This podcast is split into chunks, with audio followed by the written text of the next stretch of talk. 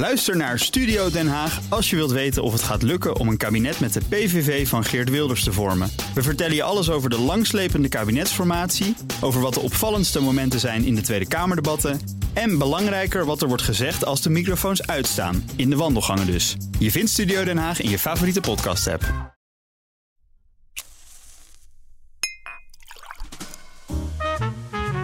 De Stijlpastoor. Arno Kantelberg. Stijl is niet altijd even makkelijk, maar je hoeft het niet alleen te doen. De Stijlpastoor is er voor jou. Ik neem je mee langs herenakkers op zoek naar het allerbeste dat Nederland te bieden heeft. Van horloges tot parfum, van de perfecte handgemaakte laars tot het scherpst gesneden maatpak. Wat draag je, wat drink je en hoe doe je dat? Samen, beste Nederlandse man, komen we er wel.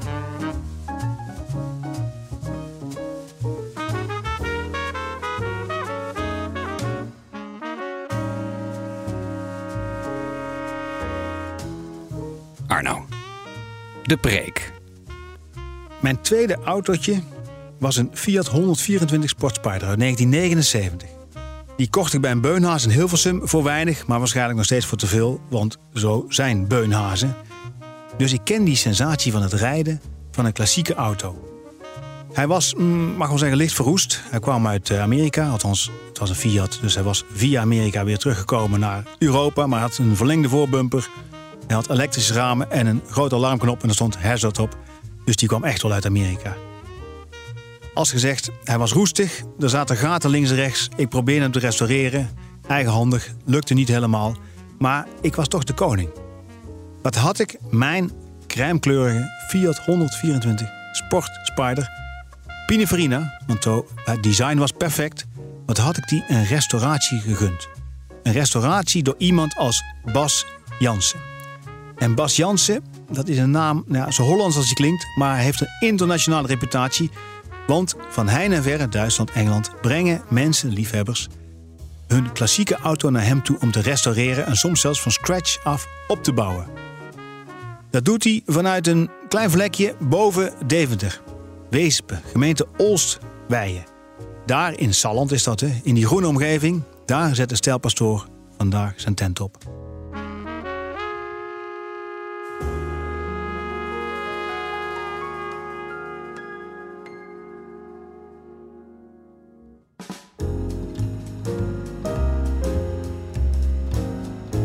Bas, ik heb net eventjes keek ik stiekem onder een doek die lag over een auto. En daarnaast stond weer een andere auto. En waar, waar keek ik naar? Wat waren dat voor auto's? Nou, dat was een uh, Mercedes Pagode onder een doekje. Die was al netjes gespoten. Je kwam nog langs een Volvo P1800. En je liep, liep nog langs een Ferrari 275 GTO. Ja, wat van de drie nog de meest bijzonder is. Dat denk ik wel, ja. Want Bas, waar zitten we? Wat heb jij voor bedrijf? Een, uh, een autorestauratiebedrijf. Uh, in de ruimste zin van het woord. Dus wij doen echt alles. Van vooroorlogs tot naoorlogs en alle type auto's. En ook alle soorten werk. Dus ja, heel veelzijdig. Uh, derde generatie, je, je, je, grootvader is dat begonnen. Uh, Jansen, het heet nu Jansen Restorations, dat toen een Nederlandse naam hebben gehad. Je vader daarna. En jij bent daar ja, zo'n soort van toevallig ingerold ook alweer, hè?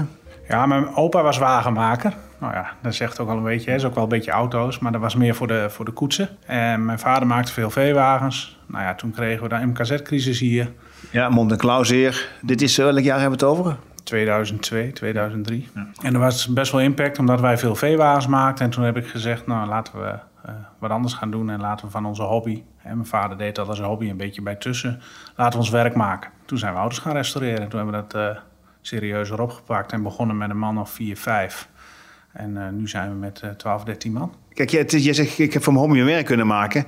Wat is het mooie aan auto's restaureren? Nou, dat het elke dag een uitdaging is om weer iets te bedenken, om iets op te lossen, om iets te zoeken, om iets te vinden, om iets te maken. Dus er is nooit een dag hetzelfde.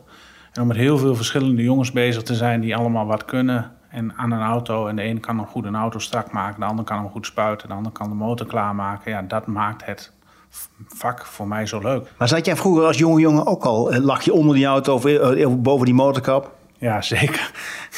Ik was 15, 16 toen ik mijn eerste auto kreeg.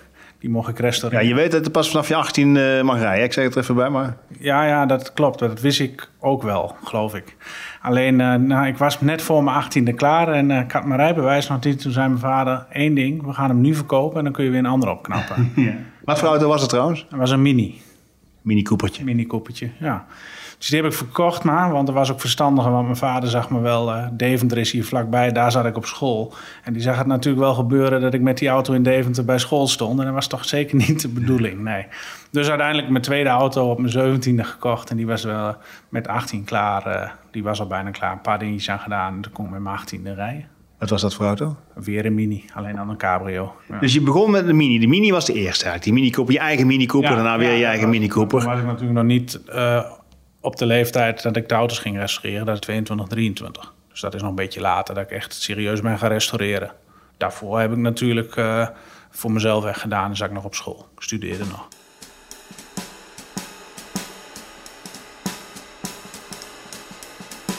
Hoe is die, eh, die, die, die markt in Nederland voor klassieke auto's? Heel groot. Er zijn heel veel mensen die, die met, met heel veel liefde zelf auto's restaureren. De hobbyisten noemen we dat. Die ook hier wel komen, vind ik ook leuk. Er zijn natuurlijk investeerders die erin investeren in auto's. Bijzondere auto's. Daar moeten wij vaak alles voor doen. Die doen zelf niks. Ja, en alles wat daartussen zit. En die markt is echt groot. Groeiende? Ja, denk ik wel nog steeds. Neemt de business voor jou toe? Voor mij wel. En of dat dan komt omdat het groeit of omdat ik steeds meer naamsbekendheid krijg, weet ik niet. Maar ik, mijn markt groeit nog steeds. Maar dat is niet alleen Nederland natuurlijk. Hè. Heel Europa ehm, kunnen we eigenlijk wel erbij schrijven. Af en toe wel eens zelfs Amerikanen die een auto hierheen brengen. Nou ja, ik zal eh, Engeland er ook maar even bij noemen. Ik heb nu ook een paar Engelse auto's staan. Terwijl ze daar toch heel veel auto's restaureren, maar toch voor de kwaliteit toch liever hier komen en de communicatie. Dus komen ze wel toch ook naar Nederland. hey, maar die, Engel, eh, Engeland, dat, dat verbaast mij. Engeland is echt een autoland, toch? Ja, maar Engelsen zijn heel moeilijk om afspraken mee te maken. En ik zeg altijd, eh, auto's restaureren is communiceren. Wij kunnen allemaal auto's restaureren, alleen als het misgaat, gaat het altijd mis op communicatie. Niet op tijd roepen dat het toch een beetje tegenvalt. Dat het geen 100 uur wordt, maar eh, 150 uur. Of misschien wel eens 200 uur. Als je daar te laat mee begint, ja, dan merk je gewoon dat mensen dan... eh, ja, dan worden ze natuurlijk een beetje narrig en vinden ze het niet zo leuk. Dus het is communiceren. Ik denk dat dat het allerbelangrijkste is. En dat klinkt misschien heel stom, maar dat is wel heel belangrijk. De klant kan gewoon meekijken, kan de foto's meekijken, krijgt alles te horen. Het is heel inzichtelijk. Ja. En dat wil onze klant. Want onze klant kan nog geen, kan, sommigen kunnen nog geen schroefje in de muur eh, schroeven om een schilderij op te hangen. Ja, die willen dat graag zien. Waarom willen ze dat zo graag bijhouden? Wat is bij hun dan de, het verlangen? Wat is de wens? Wat is het idee? Nou ja, het is hun kindje waar je mee bezig bent. Dus dat willen ze natuurlijk te alle tijden op een of andere manier in de gaten houden. Dus eh, foto's vinden ze fijn. En als we dan wat doen en de uren die we eraan besteden, vinden ze, dat willen ze graag horen. Ja, dat snap ik ook wel. Want het is wel weg bij hun uit de garage of uit de, uit de hal. Of, hè, sommigen hebben een hal met meerdere auto's. Maar dan missen ze toch een auto. Ja, en dan willen ze wel graag weten wat daarmee gebeurt. Het is een beetje als een kind dat je aan de crash brengt. Je wil ook af en toe een beetje de voortgang en een foto van wat hij wat die aan het tekenen en het vingerwerf is. Ja, precies. Ja, dat is precies. Ja, dat zeg je goed. Ja, ik denk dat dat het is. Hij wil, je wil gewoon weten wat er met je, met je kind gebeurt. En dus ook met je auto. Het is meer dan maar zo een ding, maar eh, het is een auto. En het is heel veel voor hun, voor heel veel mensen. Emotie.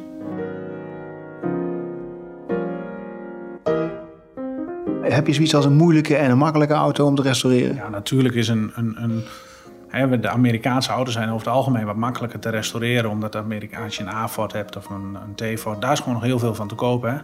In Amerika wordt nog heel veel aftermarket gemaakt. Als je bijvoorbeeld een, een, een, exotisch Franse auto als de Alfie die nu bij ons staat... Ja, daar er maar, zijn er maar twee van gemaakt. Ja, dan wordt het toch wel lastig. Dus dan moet je wel dingen zelf gaan maken. Dus dan... Ik heb ook een jongen op de tekenkamer zitten. Die zit alleen maar de hele dag achter een computer 3D te tekenen. Ja, dat kunnen we ons niet voorstellen. Er staat een 3D-printer naast. Die heeft een eh, scanner waar hij de motoren mee inscant en waar hij mee een bouwtekening kan maken. Dus ja, wij gaan best ver. Maar je moet ook nieuwe technieken in oude, in oude vorm weer zien terug te krijgen. We moeten dat wel. We moeten door. Je kunt niet stilzitten. Maar dan, je zit dus die onderdelen, hè, je zegt ook die onderdelen van die Amerikaanse auto's, die zijn nog redelijk goed verkrijgbaar, maar voor zo'n eh, beetje bijzonder unieke Franse auto niet. Maar die komen dan uit de 3D-printer. Nou ja, die komen uit de 3D-printer of die laten we frezen of draaien. Of, ja, zeker. Titanium laten we tegenwoordig printen. Ja, zover gaat het hier ook al. Ja, ik kijk, ik kijk je aan ik, ik zie water branden. Hè? Ja, ik, ik zie het. Je ziet inderdaad water branden. Dat zag ik ook altijd. Maar ja, weet je, je moet toch door met de nieuwe technieken. En dan, ja, dan is dat het gevolg. Hoe heet die? Wat was het? Een Alfie? Alfie, ja, 1929 eh, Grand Prix auto. Dus die hebben ze ooit speciaal gemaakt om de Grand Prix mee te rijden. Hij heeft het nooit gereden, want hij was niet klaar toen de Grand Prix begon. En uiteindelijk heeft die auto wel andere races gereden, maar niet de Grand Prix. Twee Alfies. Eentje staat er in Wezepen in de gemeente Oostweijen. Weet, weten we waar die andere staat? Was of niet? Weet je dat? Nee, want die is maar de vraag of die er nog is... of dat ze van de eerste de tweede auto hebben gemaakt. Ze hebben een 24 uur raceauto gemaakt voor de 24 uur van Le Mans... en ze hebben daarna de Grand Prix auto gemaakt. En de, in de overleving zegt niet of die ene auto er nog is... of dat die tweede auto eigenlijk ook een beetje de eerste is. Maar ik, vind- dit, is- dit is een hele bijzondere auto. Die staat hier gewoon. Maar, Ja. maar je vertelt erover alsof ik voorbij kom rijden met een Opel Kadett. Heb je meer van dit soort bijzondere eh, auto's? Eh, ja, tuurlijk. Dan maar voor ons, kijk, eh, als ik de werkplaats inloop, hè, ons, dan loop ik daar gewoon langs, omdat het gewoon ons werk is. Hè? Dus voor ons is het een stuk minder bijzonder als voor jou, denk ik dan. Wat is, wat is de mooiste auto ooit gemaakt? Ja, dat, Ik zeg Fiat Dino. dat is zeker een mooie. Hebben we ook al gerestaureerd. Dat meen je niet, Bas. En ik mocht hem, en ik mocht hem, de klant zei, wat voor kleur zullen we hem doen? Rood. Ik zeg, ja, niet weer een rode. Daar zijn er al zoveel van. En toen zegt hij, ja, er is ook een hele mooie gele kleur. Ik zeg, dat gaan we doen. Dus we hebben hem geel gespoten. Nou, dat is toch perfect? Dat is toch mooi als een klant met je meegaat en zegt... Goh Bas, ik heb Fiat Dino. Ik weet eigenlijk, moet die maar weer rood? Nee, doe het nou niet, maak hem geel. Nou, en als dan zo'n klant meegaat. Hij vroeg daar wel bij, goh, wat kost het eventueel om hem weer over te spuiten... als het motor niet aanstaat. Maar goed, het stond hem aan en hij is geel gebleven. En, eh, en dan ben ik wel, vind ik wel leuk als mensen dat dan toch doen. Weet je, toch anders denken, weet je. Een Engelse auto hoeft niet altijd British Racing Green. Die kan ook best eens anders. Nee, of Ferrari rood voor een Italiaanse Ja. Fiat. Zo makkelijk. Maar was een beetje zacht geel. Ja, een beetje ja, zacht geel. Niet, niet als jouw uh. Nee, niet als die plopkap hier, dat felgele. Nee, een beetje ingetogen geel. Mooi. Ja. Maar terug, jouw favoriet? ja, dat is gewoon een vraag die ik slecht kan beantwoorden. Ik ben zelf heel gek van de Austin 7. Dat is een heel klein, lief autootje. Stond hier voor de deur volgens mij toevallig.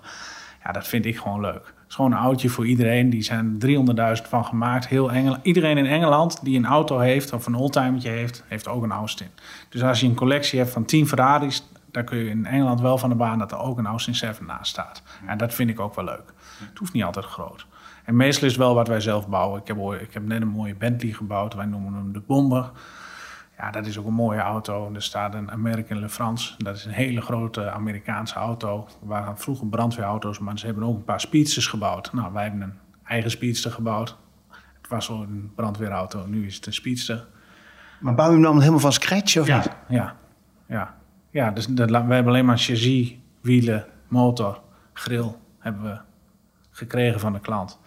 En dan Die hij- onderdelen heeft hij, die brengt hij hier. hij hier. En toen zegt hij, kun jij daar een mooie auto van bouwen? Jullie bouwen mooie auto's. Nou, dat kunnen we. En toen zijn we een auto gaan bouwen. Maar je kunt alles bouwen. We kunnen alles bouwen. Ja. Ja, je kunt alles bouwen. Ja. Maar heb je dan, hè, je zegt Austin vind ik een leuk autootje, daar heb ik een, hè, dat, vind, dat, dat smaakt mij. Maar is er ook zoiets als een, een droomauto om te bouwen? Nee, voor mezelf niet. Want ik bouw ze voor de klant al zo mooi. Ik vind elke auto die ik bouw is weer net weer mooier dan de vorige. Dat is natuurlijk ook de sport, hè? Dat, om steeds weer een stapje mooier te maken of weer over na te denken. We hebben een heel simpel oliedruppelaatje gemaakt voor een Bentley. Dat lijkt echt, echt origineel. Worden niet meer gemaakt. En eh, ik ben er wel trots op dat Bentley heeft hem nu gezien. En er, wo- en er worden weer nieuwe oude Bentleys gebouwd. En daar zeggen ze van, goh, jullie oliedruppelaatje is eigenlijk beter gelukt dan die van ons. Nou, dan ben ik wel trots. Dan denk ik van, hé, hey, wat leuk. We hebben het eigenlijk beter gedaan als ze zelf konden. Ja. Ja, ja, ik begrijp dat, Bas. Ik begrijp hoe je kunt genieten van een, een, een zelfgebouwde oliedruppelaar die helemaal gelukt is. Ja, maar je, je geniet van die kleine dingen en niet meer van een auto. Ik betrap mezelf er ook op als ik op een beurs loop of op een evenement of ik zie auto's. Ik kijk ook niet meer naar de auto in zijn geheel, maar ik kijk naar details. Dat vind ik mooi. Hoe ziet het detail van een auto eruit? Dat moet kloppen. En als dat klopt, is de auto goed. En wij zijn daar trots op als onze auto's. We hebben, enkele, we hebben een heel aantal Rileys gebouwd, Engels. Ja, die zijn twee van verkocht en die zijn goed verkocht. Maar waarom? Omdat ze kloppen, tot in detail. En dat is ook wat mijn klant vraagt. We willen een kloppende auto. Daar word ik trots van. Zijn het allemaal mannen die bij je komen, de klanten? 95 procent wel, ja. Ja, ja. Af en toe is een vrouw, maar die, die is wel verdwaald, ja. Ja, ja, ja. ja, ja, ja. Het, is, het, is, het, is een, het is een jongenshobby, hè? Ja, ja. In de wereld. Ja. Maar het is, Bas, wat, waarom spreken, wa- wat zou er nou zijn dat auto's ons mannen zo aanspreekt? ja, dat is een lastige vraag, maar misschien de vrouwelijke vormen? Ja, hè? Die, eh, ja, ja, ik denk meteen aan die motorkap van die Fiat Dino, die bij mij op netvlies staat gebrand. Hè? Mijn lievelingsauto, dat zijn bijna de heupen van een dame. Ja, dat denk ik wel. Ik denk dat dat het ons aanspreekt. En ik denk gewoon, ja, auto spreekt ons gewoon aan. Je kunt er ook in rijden, je kunt er hard mee rijden soms. En eh, nou ja, ik denk dat dat het ook is. Ik denk dat het echt een mannenwereld is. Natuurlijk, er zijn wel vrouwen die het ook leuk vinden. Maar de mannen, die, die spreken daar toch het meest aan, schijnbaar. Wat voor type man komt er bij jou? Ja, eigenlijk wel alle soorten mannen. Van, van de fysiotherapeut tot, eh, tot eh, de bankdirecteur. Dus eigenlijk alle mannen wel. Dus ook alle lagen van de bevolking. Nou, ik moet natuurlijk niet... er zal niet iemand zijn, zeg ik altijd, die van de bijstand eh, leeft. Die zal niet komen. Maar toch wel uit alle lagen van de bevolking heb ik wel klanten. En dan ook omdat ik het ook leuk vind... dat de hobbyist die zelf aan een autootje sleutelen ook eens wat doet. Maar ja, voornamelijk toch wel mensen met een eigen bedrijf... uiteindelijk toch een paar centjes verdiend hebben... en ja, het kunnen betalen. Want dat is natuurlijk wel een soort van vereiste. Ik bedoel, ik kan, mensen willen allemaal natuurlijk wel zo'n auto, maar je moet wel in de basis kunnen betalen. Anders dan komt het sowieso niet goed. Dus eigenlijk iedereen wel. Ja. Hoe doet de Nederlandse man het, eh, als je het op terrein van de, de klassiekers? Als je, hoe is onze smaak en hoe, hoe zitten wij in die wedstrijd als je het vergelijkt met andere landen? Die klanten die bij mij komen, die komen toch wel heel vaak voor de vooroorlogse auto's bij mij. Dus daar zit ik dan veel in. In de markt zie je veel mensen, of je houdt een beetje van Engels, of je houdt een beetje van Italiaans, of je houdt een beetje van Duits. Weet je. Ja, het is net met maatpak eigenlijk. Hè? Ja, dat denk ik wel. Tuurlijk, het is smaak. Dus, dus een Italiaanse auto is vaak, ja, hoe zeg je dat? Netter gemaakt, mooier gemaakt. Een Italiaanse auto? Ja. Qua In de esthe- zin- esthetische zin, qua design. esthetisch, Ja, qua design. Ja, dat zie je toch wel een verschil. Dat hebben Engelsen wel eens geprobeerd door Italianen in te huren natuurlijk. Maar ja, dat lukt dan ook nog niet helemaal. Maar je- daar zit gewoon verschil. En daar merk je wel dat daar zit iemand die van Duitse auto's houdt... die houdt wel van Duitse auto's. En die zit wel in die kant. Welk, waar, waar ligt jouw smaak? Gaat hij naar de Italiaanse kant? Gaat hij naar de Engelse kant? Engelse kant.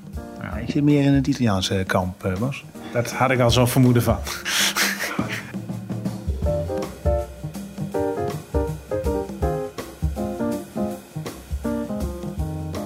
Zijn oude auto's mooier dan nieuwe auto's sowieso, per definitie? Ja, zeker. Waarom? Dat je tegenwoordig alleen maar bumpers koopt. Plastic. Er zit geen plaatwerk meer aan. De bumpers worden steeds groter. Die kunnen we kapot rijden, kunnen we eraf halen. Het is een weggooiproduct geworden. En vroeger maakten ze echt een auto die, die er voor jaren stond. Dat is goed gemaakt, over nagedacht. De Austin 7 is ooit ontstaan. Die man zei van ja, voor anderhalf keer de prijs van een eh, motor met zijspan wil ik eigenlijk een auto kunnen bouwen. Nou, dan bood hij aan. Dus dat was een heel goedkoop auto. Maar je had ook de Rolls Royce en natuurlijk toen al in de Bentleys. Ja, er waren toen ook hele dure auto's. Dat was niet voor iedereen weggelegd. En dat is natuurlijk nog jaren geweest. Als je jaren 60, 70 hebt, dan reed je lang niet iedereen een auto natuurlijk. Kunnen we even gaan kijken eh, in de garage? Ik ben wel benieuwd. Zeker gaan we even kijken.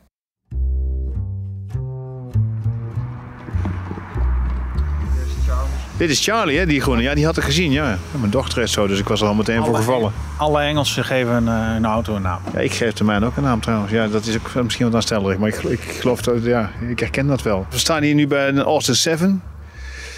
Ja, die is, eh, jezus, welk jaar is die? We gaan hem proberen te starten. 19, 1928. Nou, hij viert bijna zijn honderdste verjaardag. Ja, dat, nog een paar jaar en dan, eh, dan mag dat. 100 jaar. Ja. Austin bestaat trouwens al wel 100 jaar. Dus er is al ouder. 22, 23. Wauw. Ja, dit, dit is een jonkie dus, eh, relatief. Ja, relatief jong. ja, we, ja, we gaan even kijken of we hem aan de praat krijgen. Ik vind dit al lekker eigenlijk, hè? Ja, de choke in-uit. Ja. Ja, ik weet er nog wel iets van. Choke en eh, gas.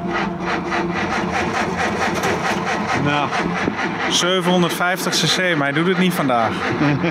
Heb er geen zin in. Het is maandag, hè? Hij, moest, hij werd morgen opgehaald door de klant, dus er zit nog een beetje werk aan. Echt. ja. We krijgen hem niet aan de praat, hè? Iedereen vindt dit, dit is gewoon leuk. Dit is gewoon omdat het, dat het klein is lijkt, en het is haalbaar voor iedereen. Ik bedoel, dit, zo'n autootje koop je vanaf een, een, een duizend of acht tot misschien 25 en dan heb je de duurste in. En dan houdt het op. En dat- dus dat maakt het zo leuk. Dat het voor iedereen haalbaar is. Waarom zijn ze zo goedkoop? Zijn er nog heel veel van? Ja, er zijn er 300.000 gemaakt ooit. Echt heel veel. En er zijn nog heel veel over. En ook heel veel in de aftermarket is te, te koop aan onderdelen. Dus er wordt heel veel nagemaakt in Engeland en nog gemaakt. En ja, dat maakt dat autootje gewoon betaalbaar. Ja, we, kijken even onder de motorkap, maar dan moeten eerst even de leren riemen opengemaakt worden. Die sluit de motorkap af. Leren riemen, hè? Ja, ja, want je moet toch op een of andere manier die motorkap dicht houden. En dat doen we met leren riemen.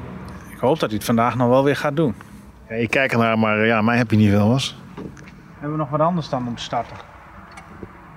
We hebben 750 cc en dan gaan we naar 9,5 liter. Gaan we die eens proberen. Gaan we die proberen. Ook een Austin, toch? Nee, dat is geen Austin. Oh, dat is een American LaFrance. Ah, juist. Een Amerikaan. Ja. Eventjes tussendoor, Bas. Is een baas verplicht om bij Jans Restorations te werken? Nou, minimaal de helft heeft een baat. Dat, heb je, dat is je goed opgevallen. Maar als Maar je nou zeg- vraagt waarom de baat er is, dat is gewoon luiigheid. Ah, ja. maar ik zeg het, voor de mensen die komen, jongens die komen solliciteren, denk erom, even een tijdje niet scheren. Ja, precies. Ah, soms moet je wel lang sparen hoor. Ja.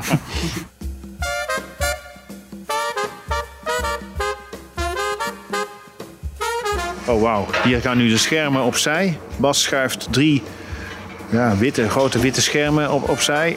En, en een zilver doek trekt hij van een, ja, een beetje babyblauwe auto met daar voorop het embleem, het logo Alfie met PH.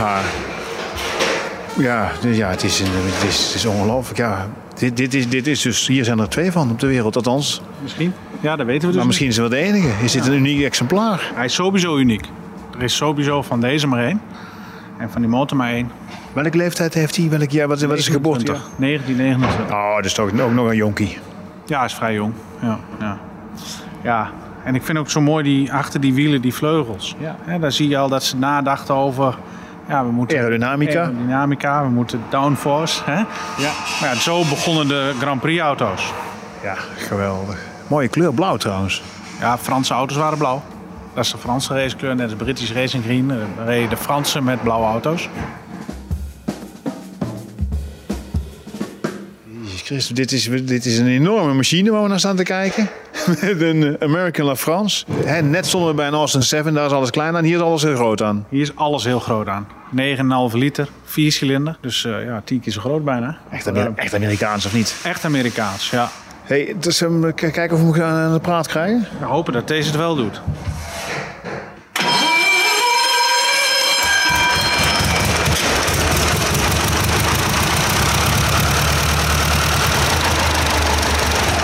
Ook wel mooi dat je alles ziet bewegen. Hè? Alles beweegt en werkt en doet. En het is groot. Ja, we kijken hier eigenlijk in het, eh, in, ja, in het van eh, de American La France. Hè? Geweldig. Ik denk wel dat we de, de luisteraars even moeten waarschuwen van tevoren. ja, ik denk de geur die we nu ruiken, de brandende benzine, die komt nu door de luidsprekers. Ja, wat een, ja, jezus, wat een ongelofelijke machine is dit. Ik ben echt helemaal onder de indruk. Het is, het is zo'n specifieke eh, auto. Dit is een klant die komt echt met die onderdelen. Ja, en die zegt, maak er een auto van. En maak er een mooie auto van. En dat gaat dan tot aan een houten kistje. Daar kan ik je wel een mooi detail aan laten zien. Ja. Hij gaat dus Ah ja. zo open. Ja, ja dit Het is. is natuurlijk fantastisch om te maken. Als je dat mag maken en voor die mensen mag ontwerpen, ja, dat is natuurlijk leuk. Ja, want hij kan, hij kan eigenlijk niet open, want het, het, het, het- de, de, de houten koffer zit, de klep zit onder. Oh, dit zijn dus dit, Handrem. dit is de ha- handrem en de versnellingspook. Maar er is een constructie bedacht aan de zijkant, een scharnier, waardoor hij een stukje naar voren schuift. Ja, ik, ik wil het zelf ook even doen. Voor, voor het gevoel, hè? Ja. Ja, dit is inderdaad. Ik, ik begrijp, maar ik begrijp waarom dat fantastisch is. Ja, je moet het niet, het mag ook niet te makkelijk zijn. Weet je? Ik dacht gewoon van, ah, moet even ergens een scharniertje en dan kun je er omklappen. En dan, eh, maar ja, Ik vind dit vat het eigenlijk, dit vat jouw werk wel samen. Het, het, het, het- het moet niet te makkelijk. Daar houden we, daar houden we hier niet van. nee, het moet niet te makkelijk. Geef ons maar een uitdaging en dan lossen we het wel op, zeg ik altijd.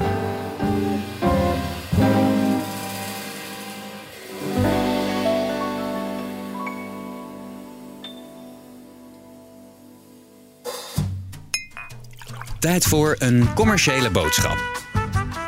Ook als het op whisky aankomt, is alleen het beste goed genoeg voor de stijlpastoor. Dat kan het leven die extra 10% geven. Gelukkig wordt deze podcast mede mogelijk gemaakt door The Macallan. Vandaag reflecteert uw stijlpastoor met een glas Double Cask 12 van The Macallan. Grote klas.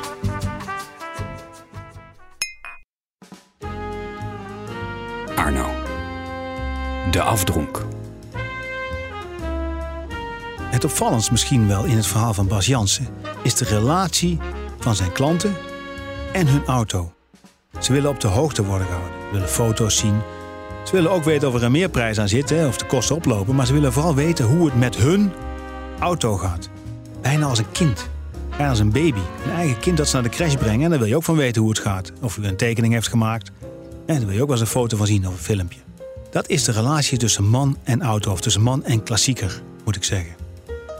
Ander sleutelwoord vandaag, wat mij betreft, oliedruppelaar. Bas en zijn mensen maken een oliedruppelaar vanuit het niets voor een Bentley. En van die oliedruppelaar zegt Bentley zelf: dit is beter dan wij zelf ooit gemaakt hebben. Maar dat zegt ook iets over zijn oog voor detail en zijn waardering voor dat detail. Hij kijkt niet naar die grote Bentley, hij kijkt naar die oliedruppelaar. Hij kijkt misschien naar die, nou, misschien die verroomde bumper. Of die houten koffer. Of dat scharnier. Daar staat hij bij stil. En dat oog voor detail, dat enthousiasme daarvoor is aanstekelijk. Maar dat is ook waar het uiteindelijk om gaat. Het gaat niet om het grote verhaal. Het gaat niet om die hele grote Bentley. Het gaat om dat kleine detail. En dat hebben we natuurlijk al ooit geleerd van Johan Cruijff. De grote filosoof. Die al zei, het gaat om de details. En dat geldt zelfs voor de klassieke auto. Tot zover de Stijlpastoor. Abonneer je op deze podcast en mis geen aflevering. Dan kom jij als stijlvolle man nooit meer onbeslagen ten ijs.